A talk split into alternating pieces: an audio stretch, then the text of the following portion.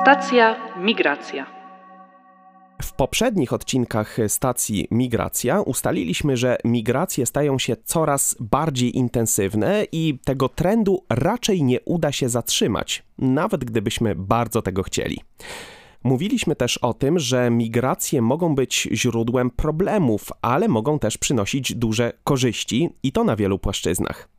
Zależy to od bardzo wielu czynników, a między innymi od poziomu integracji migrantów i od polityki migracyjnej. Poprzednich odcinków możecie posłuchać na Spotify stacji Migracja i na kanale Instytutu Praw Migrantów na YouTubie. Ale mówię o nich dlatego, że dziś będziemy wracać do tych wątków, bo dzisiaj porozmawiamy o migranckim życiu na pół. A więc o tym, w jaki sposób migranci żyją trochę w kraju zamieszkania, a trochę w kraju pochodzenia oraz jakie rodzi to skutki. Przy mikrofonie Karol Korczyński i Bartłomiej Potocki. Realizacją zajmuje się Andrzej Chrust. Dziś e, to ty, Bartku, jak zgaduję, będziesz grał pierwsze skrzypce jako kierownik Instytutu Praw Migrantów i jako osoba na co dzień zaangażowana w te kwestie. Niektórzy migranci świetnie integrują się w społeczeństwie kraju przyjmującego, a niektórzy, mimo że mieszkają w jakimś kraju kilka lat, y, nie znają języka i zupełnie nie czują się częścią społeczeństwa. Takie zróżnicowanie w poziomie integracji można częściowo wyjaśnić e, indywidualnymi cechami osobowości, to na pewno, ale domyślam się, że istnieją też pewne czynniki zewnętrzne. Jakie to mogą być czynniki? Migranci nie są jednorodną grupą i między innymi e, z tego powodu e, będziemy mieć te wielkie różnice, które po prostu powodują, że część migrantów e, świetnie się integruje, a część integruje się słabo. Po prostu to nie jest ta sama grupa.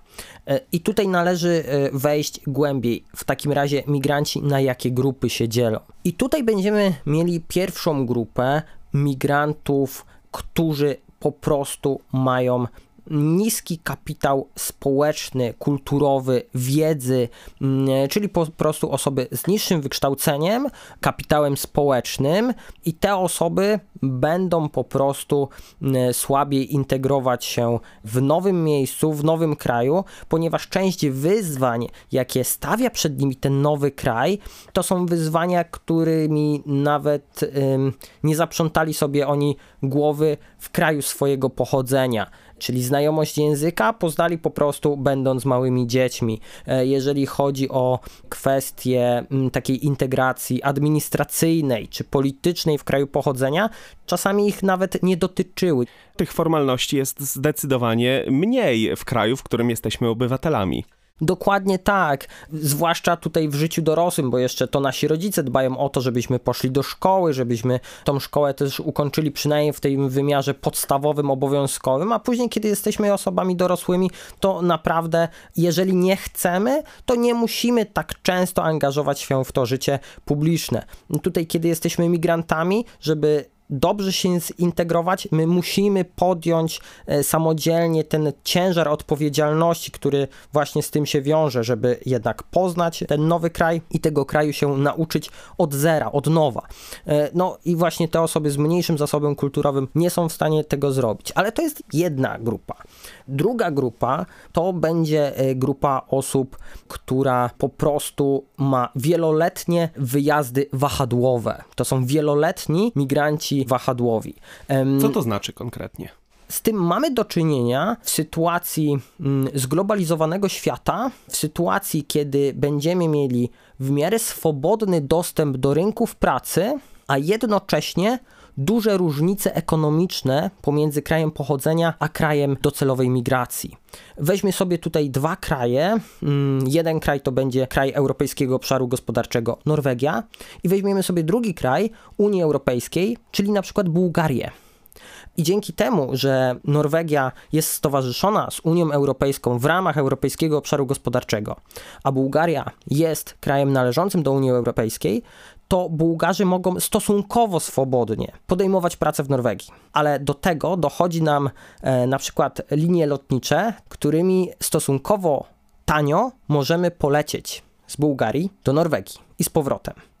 I to powoduje, że ci ludzie po prostu, mimo tego, że będą pracować w bogatej Norwegii poniżej swoich kwalifikacji bardzo często, czy będą w pewnym sensie niedoceniani w społeczeństwie norweskim, to te różnice w zarobkach będą tak gigantyczne, że ci ludzie nie mają chęci osiedlenia się na stałe w Norwegii, bo wtedy koszty życia troszeczkę skonsumują to, co daje im możliwość przewożenia tych zarobków do swojego kraju pochodzenia.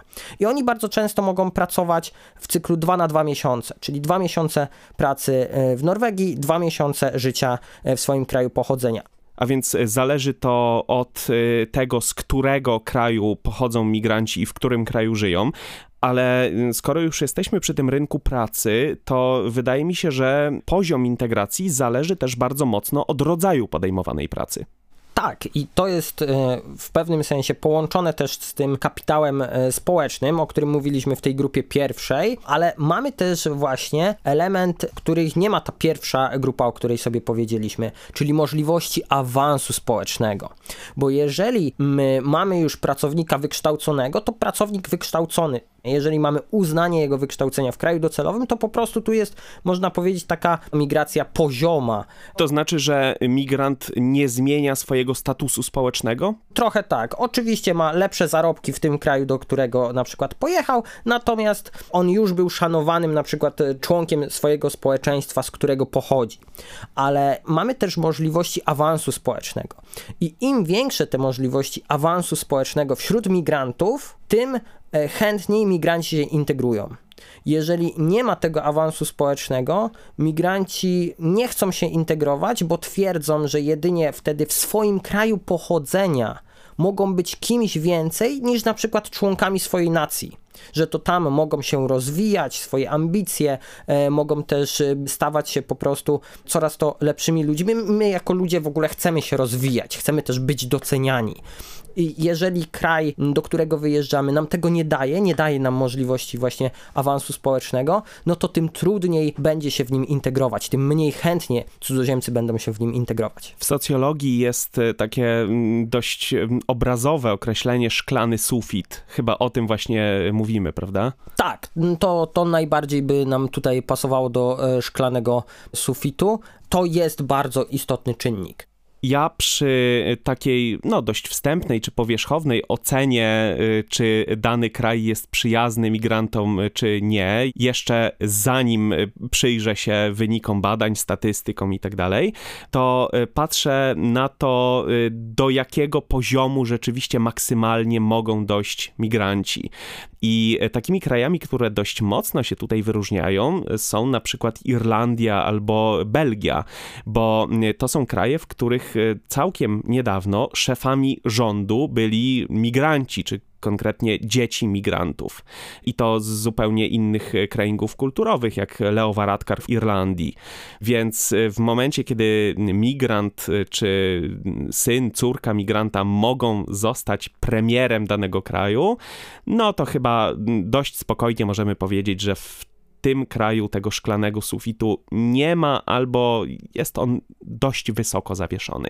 Dokładnie tak. Tutaj e, jeszcze też właśnie przy takim spojrzeniu na e, migrantów i na ich rolę w danym e, kraju nie możemy dać się uwieść pierwszemu wrażeniu. Z prostej przyczyny będziemy mieli takie dziedziny życia, w których migranci będą wręcz hołbieni mimo tego, że kraj będzie negatywnie nastawiony do migracji.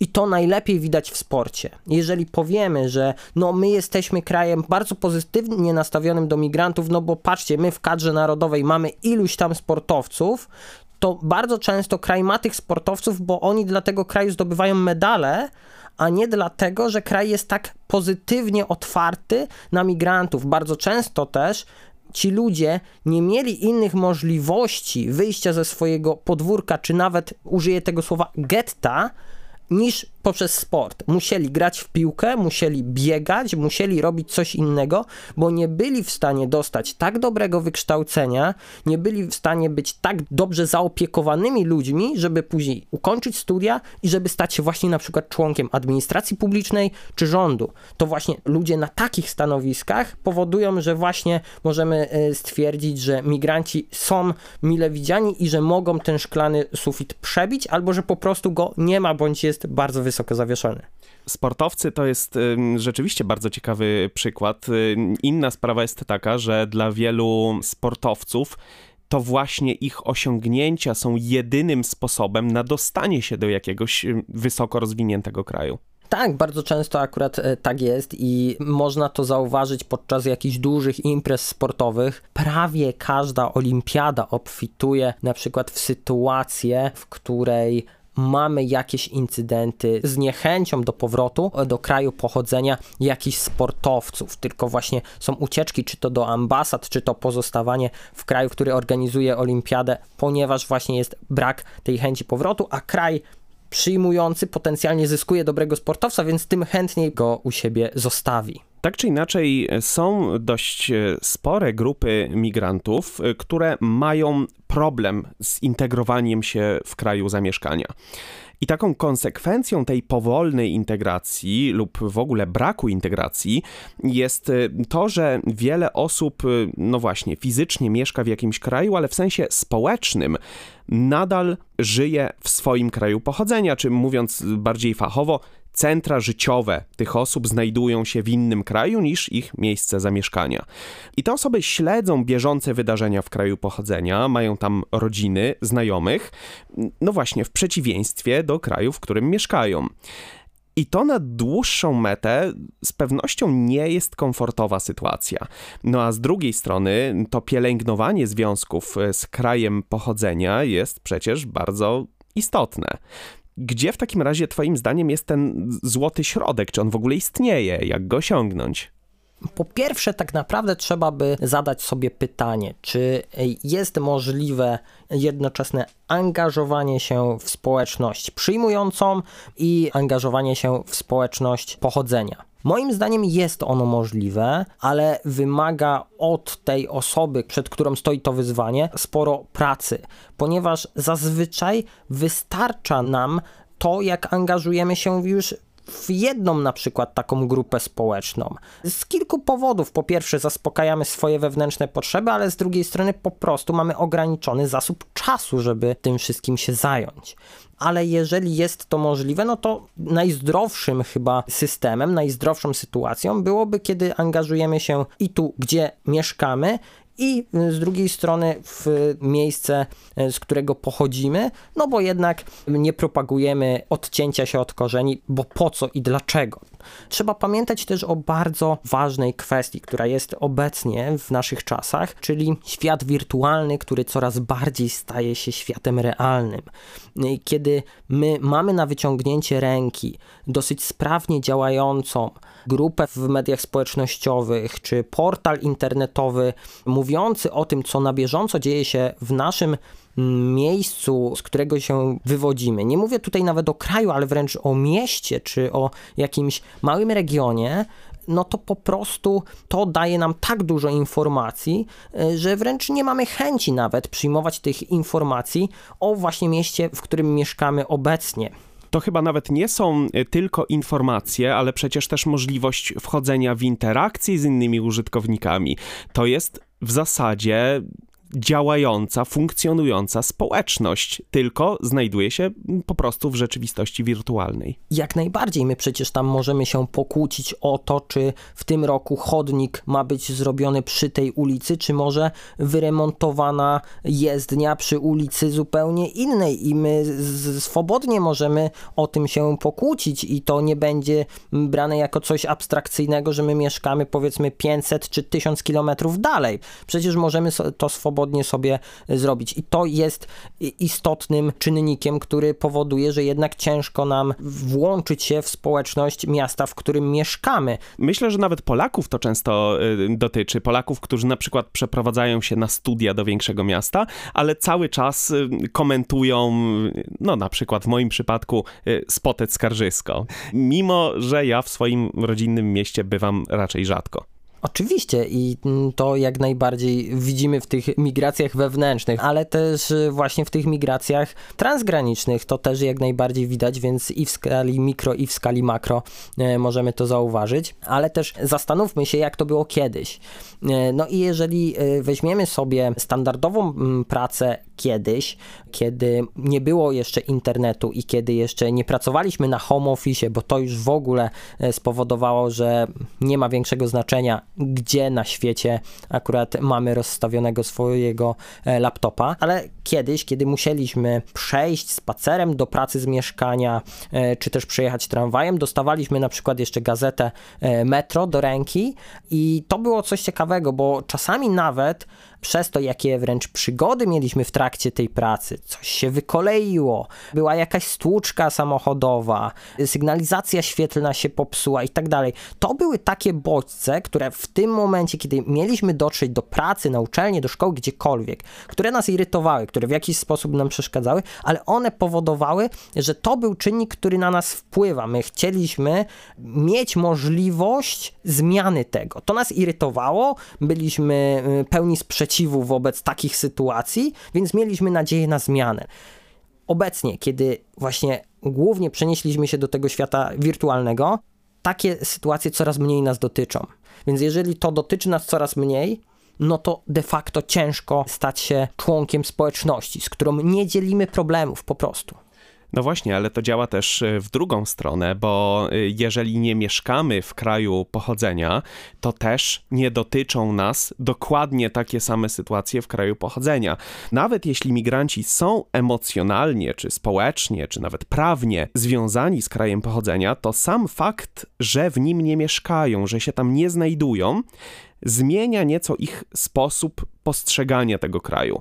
No właśnie, bo nie są zaangażowani w to codzienne życie w tak zwanym realu. Często uwidacznia się to na przykład w wynikach wyborów, kiedy wyborcy za granicą głosują zupełnie inaczej niż wyborcy w kraju. Jakie w ogóle mogą być tego konsekwencje? To jest w ogóle bardzo ciekawe zjawisko. Ono ma miejsce praktycznie w każdym kraju. Oczywiście nie możemy powiedzieć, że w każdym co do jednego, natomiast zdecydowana większość jednak gdzieś moglibyśmy odnaleźć te różnice pomiędzy tym, jak prezentują się wyniki wyborów wewnątrz kraju, a jak głosowała e, migracja danego kraju, czyli osoby z obywatelstwem danego kraju, ale już mieszkające poza jego granicami a poza tym y, w różnych krajach ma to różne znaczenie. Zależy to na przykład od wielkości tej diaspory. Jeżeli tych y, emigrantów mających prawo wyborcze jest niewielu, to oni też nie będą mieli dużego wpływu y, na sytuację polityczną w kraju, nawet jeżeli zagłosują zupełnie inaczej niż mieszkający w tym kraju obywatele. No a jeżeli ta diaspora jest bardzo liczna i migranci głosują inaczej, to rzeczywiście ten krajobraz polityczny może mm, się dość znacząco zmienić. Tak, dlatego też bardziej rzucają się w oczy kraje małe i też stosunkowo biedne, bo tam bardzo często widać te różnice bardzo wyraźnie, ale praktycznie w każdym kraju jest ta różnica, większa czy mniejsza. Ona wynika po prostu z myślenia esencjami, czyli po prostu przekłada się myślenie o kraju, którego obywatelami ciągle jesteśmy, w taki sposób, jaki on jest coraz bardziej postrzegany w stopniu międzynarodowym i w stopniu też naszych uczuć, emocji, a nie do końca realnych potrzeb. Więc po prostu przenosimy chęć zmiany realnej sytuacji na chęć zbudowania jakiegoś wizerunku, który po prostu czujemy w sobie, to jest po prostu uczucie. Tam nie ma zbyt wiele akurat mówienia o jakichś e, racjonalnych przesłankach za i przeciw. To nie jest głosowanie interesem, a po prostu uczuciami. Najłatwiej to zobaczyć na takim kraju jak Armenia. Armenia jest stosunkowo niewielkim krajem, ale narodem licznym. Dodatkowo Armenia jest też w stanie nieustannych napięć z Azerbejdżanem, ale też z Turcją. To powoduje, że jednak retoryka wojenna bądź okołowojenna jest ciągle w mainstreamie politycznym, społecznym, przynajmniej tak byśmy to mm, nazwali i na tą chwilę zostawili. Ale z drugiej strony Armenia nie jest krajem bogatym. Armenia w przeciwieństwie na przykład do Azerbejdżanu, no nie masz takich złóż surowców naturalnych, nie jest też e, krajem bardzo e, wysoko zaawansowanym technologicznie i tak dalej. No, mogłaby być atrakcyjna turystycznie jak Gruzja, gdyby sytuacja polityczna była trochę bardziej stabilna. Oczywiście, no trzeba pamiętać, że, że pierwszy chrześcijański kraj świata, ta historia do czegoś zobowiązuje. Ja w ogóle gorąco Państwu polecam e, Kaukaz jako, jako taki. Ale pozostawiając to troszeczkę z boku, widzimy te dwie kwestie, czyli z jednej strony te kwestie właśnie e, konfliktu z sąsiadem, z drugiej jednak strony mamy tą rzeczywistość, tą codzienność.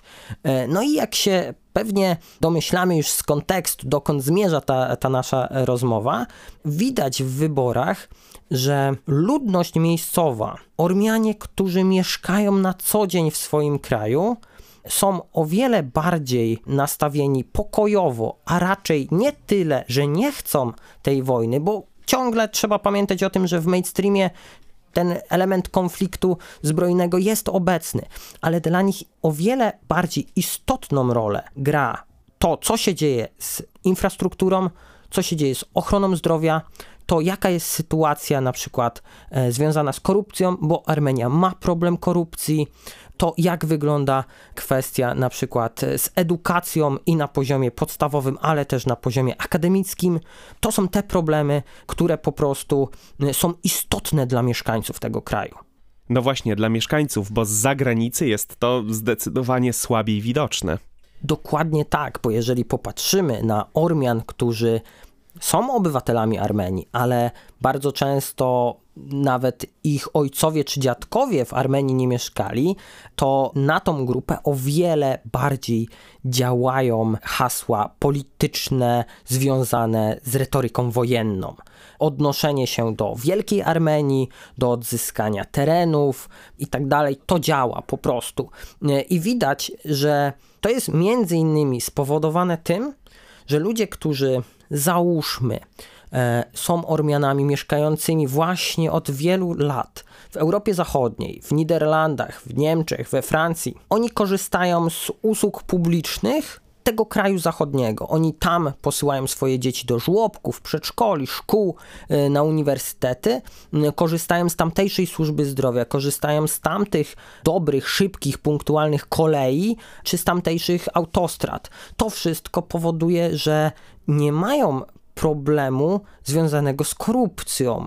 E, hasło walki z korupcją dla tych osób nie jest zbyt pociągające, bo przecież oni w Niemczech czy w Niderlandach nie mają tego problemu. Ale chcieliby, żeby ich Armenia, z którą się utożsamiają, była wielka. I tutaj to po prostu działa. I widać ten rozdźwięk bardzo, bardzo mocno.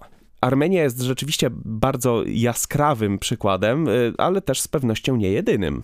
Tak, jeżeli chodzi o kontekst w drugą stronę, kontekst właśnie bardziej polityczny, społeczny, dotyczący kwestii socjalnych, to on jest widoczny na przykład na terenie Ukrainy i na terenie Mołdawii.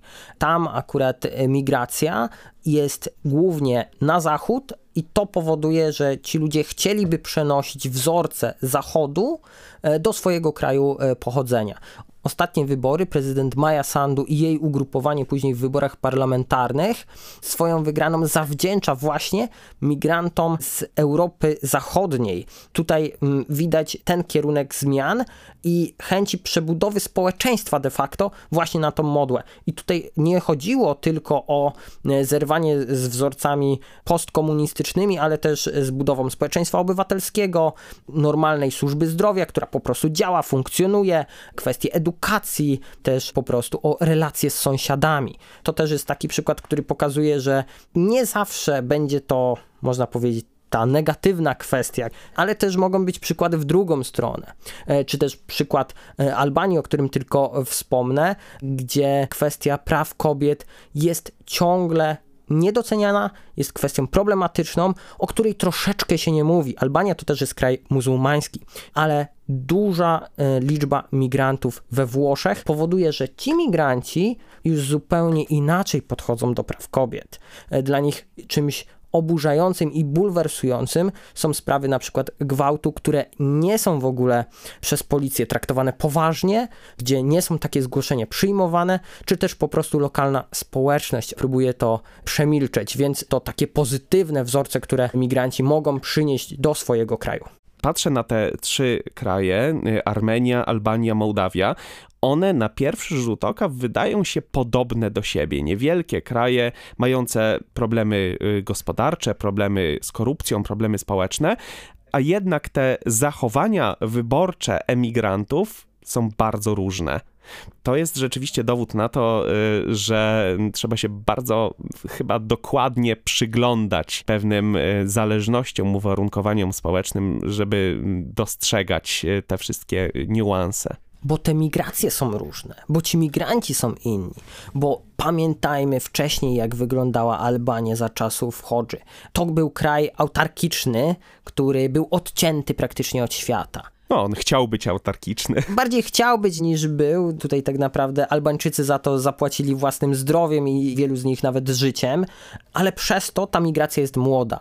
W Mołdawii ta migracja też jest młoda. Z czego to wynika? Mołdawia była jednym z lepiej rozwiniętych i lepszych do życia części Związku Radzieckiego. Ludzie to był taki kurort.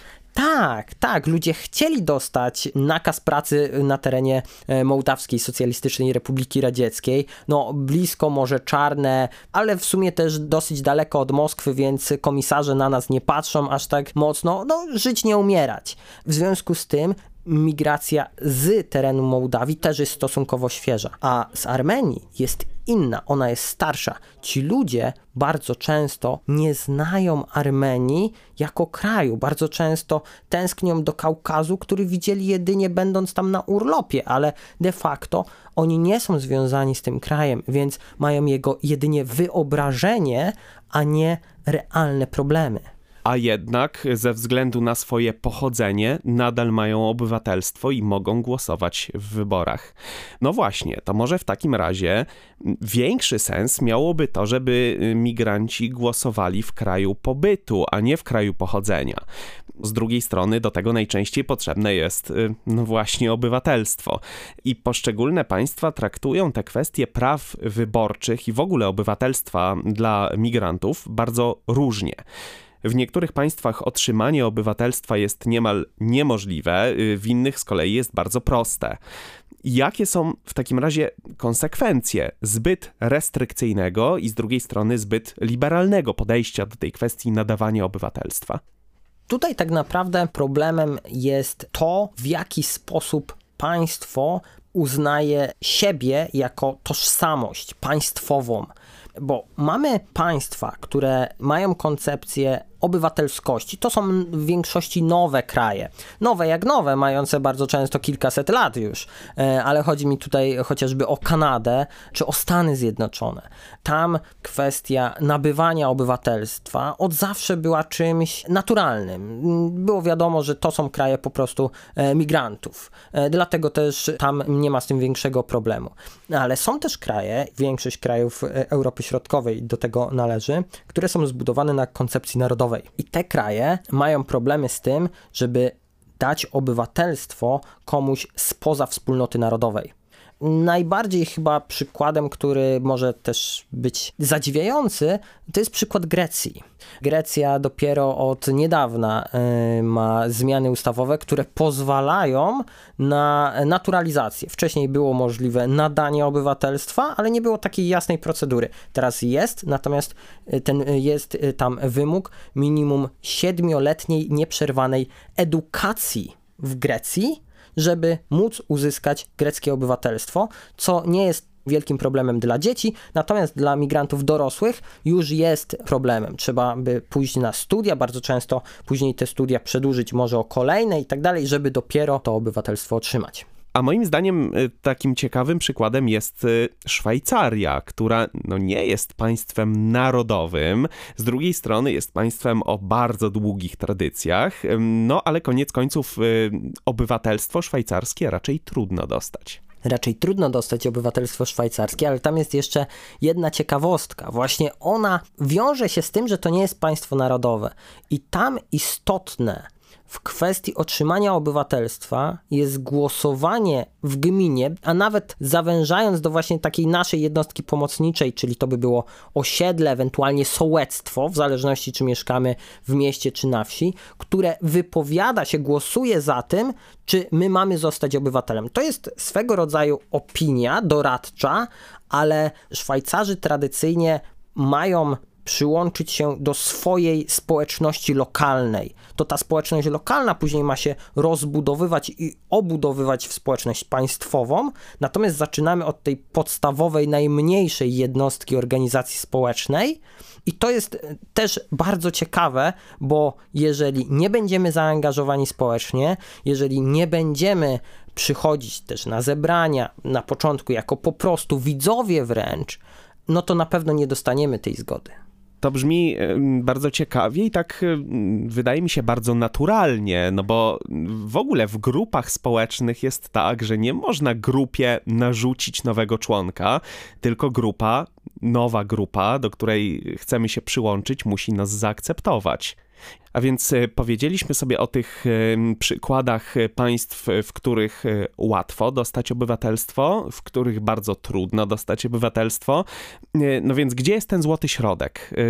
Jak to powinno wyglądać, żeby ta kwestia integracji migrantów działała najlepiej? Czy żeby obywatelstwo dostawały te osoby, które na to obywatelstwo zasługują? I tutaj te, też dochodzimy właśnie do e, pytania, jakie powinny być relacje pomiędzy obywatelem, który po prostu z urodzenia, z mocy prawa został obywatelem, a tego mm, migranta, który chce mm, zostać e, obywatelem. Zawsze tutaj pojawia nam się zarzut, że od migrantów oczekujemy więcej. No ale należy pamiętać, że po prostu jeżeli byśmy oczekiwali tak dużo od wszystkich, no to nie wszyscy mieszkańcy danego kraju by byli obywatelami, pomimo tego, że by od e, wielu pokoleń mieszkali właśnie w tym kraju i byli częścią danego narodu, danej społeczności i tak dalej. Więc tutaj gdzieś jakiś e, ten kompromis trzeba mm, było e, zrobić. Przez to trzeba zrozumieć to, że od migrantów będziemy wymagać czegoś, żeby stali się obywatelami. Podstawą będzie na pewno język. To jest pierwszy krok, bez którego no, nie da się stworzyć y, takiego sensownego procesu dochodzenia do obywatelstwa. Na jakim poziomie powinien być ten język? Tutaj ja sądzę, że y, gdzieś mówilibyśmy o poziomie około B2, bo jednak musimy być obywatelem, a żeby być obywatelem, to fajnie by było móc myśleć w języku, w którym się e, komunikujemy, a nie sobie tłumaczyć, nie przekładać sobie z języka swojego ojczystego na język, w którym będziemy akurat się komunikować. No na pewno e, trzeba też e, móc się angażować w życie społeczne i wypowiadać w miarę swobodnie na dowolny temat, a poziom B2 wydaje się zapewniać taką możliwość. Dokładnie tak. W związku z tym poziom B1 jednak jest za niski, ale patrząc tutaj na Łotwę chociażby, gdzie jest poziom mniej więcej C1, to jest już poziom za wysoki. Tutaj już mamy poziom praktycznie tłumacza przysięgłego. To już znowu przesada. Łotwa jest y, specyficznym przypadkiem też y, z innego powodu, bo przecież po uzyskaniu niepodległości w 1991 roku to było państwo, w którym nagle znalazło się mnóstwo apatrydów, czyli ludzi bez obywatelstwa, ponieważ y, władze łotewskie odmówiły obywatelstwa bardzo dużej grupie Rosjan, którzy na Łotwie mieszkali, ale po łotewsku nie mówili. Trzeba było to zmienić, żeby można było wejść do Rady Europy, ale też do Unii Europejskiej. No i Łotwa e, postawiła na taki kompromis, czyli damy możliwość posiadania obywatelstwa, ale pod warunkami. I to jest zgodne z prawem międzynarodowym, a że te warunki tak naprawdę stały się jednak bardzo trudne do e, spełnienia, no to to już e, w pewnym sensie jakoś uszło uwadze organów międzynarodowych. Ale co jeszcze oprócz tego języka dobrze by było, żebyśmy mieli? Moim zdaniem wiedzę na temat ustroju, na temat państwa, na temat organizacji administracji publicznej, edukacji, bezpieczeństwa czy ochrony zdrowia. Takie podstawowe informacje na poziomie około maturalnym, tak bym to określił. I tutaj takie egzaminy są przeprowadzane w większości krajów. To są tak zwane testy wiedzy kulturowo-językowej. One są przeprowadzane w Niemczech, w Wielkiej Brytanii, w Stanach Zjednoczonych i o ile testy niemieckie są właśnie na poziomie mniej więcej maturalnym, o tyle Wielka Brytania moim zdaniem już troszeczkę ten poziom przekracza. No tam e, chociażby jest słynne pytanie dotyczące ilości hrabstw e, w Wielkiej Brytanii. No zastanówmy się, ile jest powiatów w Polsce. Nie jest to obowiązkowa wiedza, nie jest to wiedza, która jest nam tutaj potrzebna i niezbędna. Dobrze by było, żeby każdy wiedział, że e, mamy gminę, powiat, województwo i że mamy na przykład miasta na prawach powiatu. Skupiając się na y, kwestiach y, integracji politycznej, to y, prawa wyborcze wydają się w tej kwestii takim ostatecznym krokiem, takim ostatecznym celem. Z kolei całkowity brak jakichkolwiek praw politycznych może być bardzo istotną barierą w integracji. Tak mi się przynajmniej wydaje, powiesz mi, jeśli się mylę. Czy w takim razie istnieją jakieś pośrednie formy aktywności politycznej, które są dostępne dla migrantów? W kwestii aktywności takiej czynnej aktywności politycznej, no to faktycznie brak obywatelstwa jest jednak znacznym utrudnieniem. No tutaj można oczywiście mm, powiedzieć sobie o wyjątkach, czyli o e, możliwości głosowania w głosowaniu lokalnym dla innych obywateli Unii Europejskiej, ale poza tym bez, e, bez obywatelstwa ciężko się bardziej zaangażować politycznie prawa polityczne są szersze niż, niż tutaj samo obywatelstwo. Natomiast jeżeli te prawa polityczne wynikające e, z konstytucji, z traktatów międzynarodowych i tak dalej są gwarantowane w danym kraju, to nie mając obywatelstwa faktycznie możemy dużo e, zdziałać. Możemy dosyć mocno się e, angażować. I tutaj będą tak naprawdę dwa rodzaje zaangażowania. Ja bym tak tutaj je e, podzielił. Takie aktywne angażowanie, ale też takie opiniowanie. I obie z tych, z tych dziedzin będą bardzo ważne. E, i szczerze powiedziawszy, nie wiem, czy w dzisiejszym świecie nawet bardziej nie jest dostrzegane to opiniowanie, czyli właśnie bycie tak jak my tutaj, że siedzimy przed mikrofonem i puszczamy to w świat, czy nie jest ono bardziej widoczne niż e, codzienne zaangażowanie w naszym związku zawodowym, stowarzyszeniu, fundacji i faktycznie taka praca u podstaw. No nie trzeba prowadzić audycji radiowej, wystarczy na przykład e, skomentować jakiś post i też wtedy ten nasz głos jest widoczny. Jeżeli ten komentarz jest trafny, ciekawy, to będzie wyświetlany i możemy trafić do naprawdę szerokiego grona odbiorców. Dokładnie tak, a możemy tutaj przyjąć formę o wiele bardziej sformalizowaną, czyli właśnie wspomnianych wcześniej stowarzyszeń, e, fundacji, związków zawodowych, e, więc tu we wszystkie te elementy możemy się angażować i możemy w taki sposób kreować otaczającą nas rzeczywistość. Mm, I to de facto we wszystkich elementach, jakie tylko sobie możemy wyobrazić, bo stowarzyszenia mogą dotyczyć wszystkiego, mogą dotyczyć i polityki, ale mogą też e, dotyczyć działalności charytatywnej, mogą dotyczyć działalności gospodarczej, e, więc, więc tutaj jak najbardziej nic nas nie ogranicza. Wspomniałeś też o związkach zawodowych, no i przecież migranci w Polsce zdecydowanie mogą zrzeszać się w związkach zawodowych, a jest to no, dość mocno polityczny rodzaj działalności również. Jak to wygląda w naszym kraju? Jak wygląda kwestia uzwiązkowienia migrantów? W ogóle kwestia uzwiązkowienia Polaków jest też e, tematem problematycznym, bo tutaj e, mamy niski stopień uzwiązkowienia, około 9% mm, Polaków jest członkami związków zawodowych. Kto by mm. się spodziewał, kraj Solidarności? Kraj Solidarności, a coś, coś nam później nie wyszło, jeżeli chodzi o aktywność w związkach zawodowych, więc tutaj sami e, obywatele polscy no, nie mają się czym pochwalić. Migranci mogą aktywnie brać udział w działaniach związków zawodowych, być członkami związków zawodowych. Wystarczy, że są pracownikami albo zleceniobiorcami, mogą być też osobami samozatrudnionymi, a nawet i wolontariuszami obecnych zmianach ustawowych i mogą stać się członkami związku zawodowego. Problem jest bardziej tutaj taki, jaka jest kultura pracy w kraju pochodzenia i jak działamy w Polsce w kontekście, w temacie poszerzania wiedzy o związkach zawodowych, o tym, po co wstępować do związku zawodowego i też jaka będzie właśnie e, kultura pracy w naszym kraju. Jak się okazuje, jest bardzo wiele form aktywności społecznej i politycznej, które są dostępne i dla migrantów, i dla obywateli a to w jakim stopniu będziemy z nich korzystali zależy w dużej mierze od naszej świadomości w tym zakresie i od tego, czy otrzymamy odpowiednie wsparcie. A takiego wsparcia udziela m.in. Instytut Praw Migrantów, który zresztą w tym miesiącu obchodzi pierwszą rocznicę swojej działalności. Serdecznie zapraszamy Was do odwiedzania strony i kont tej organizacji w mediach społecznościowych. Tam między innymi będziecie mogli znaleźć informacje o naszej audycji. Podcasty dotychczasowych odcinków stacji Migracja są dostępne na YouTube i we wszystkich najpopularniejszych serwisach podcastowych.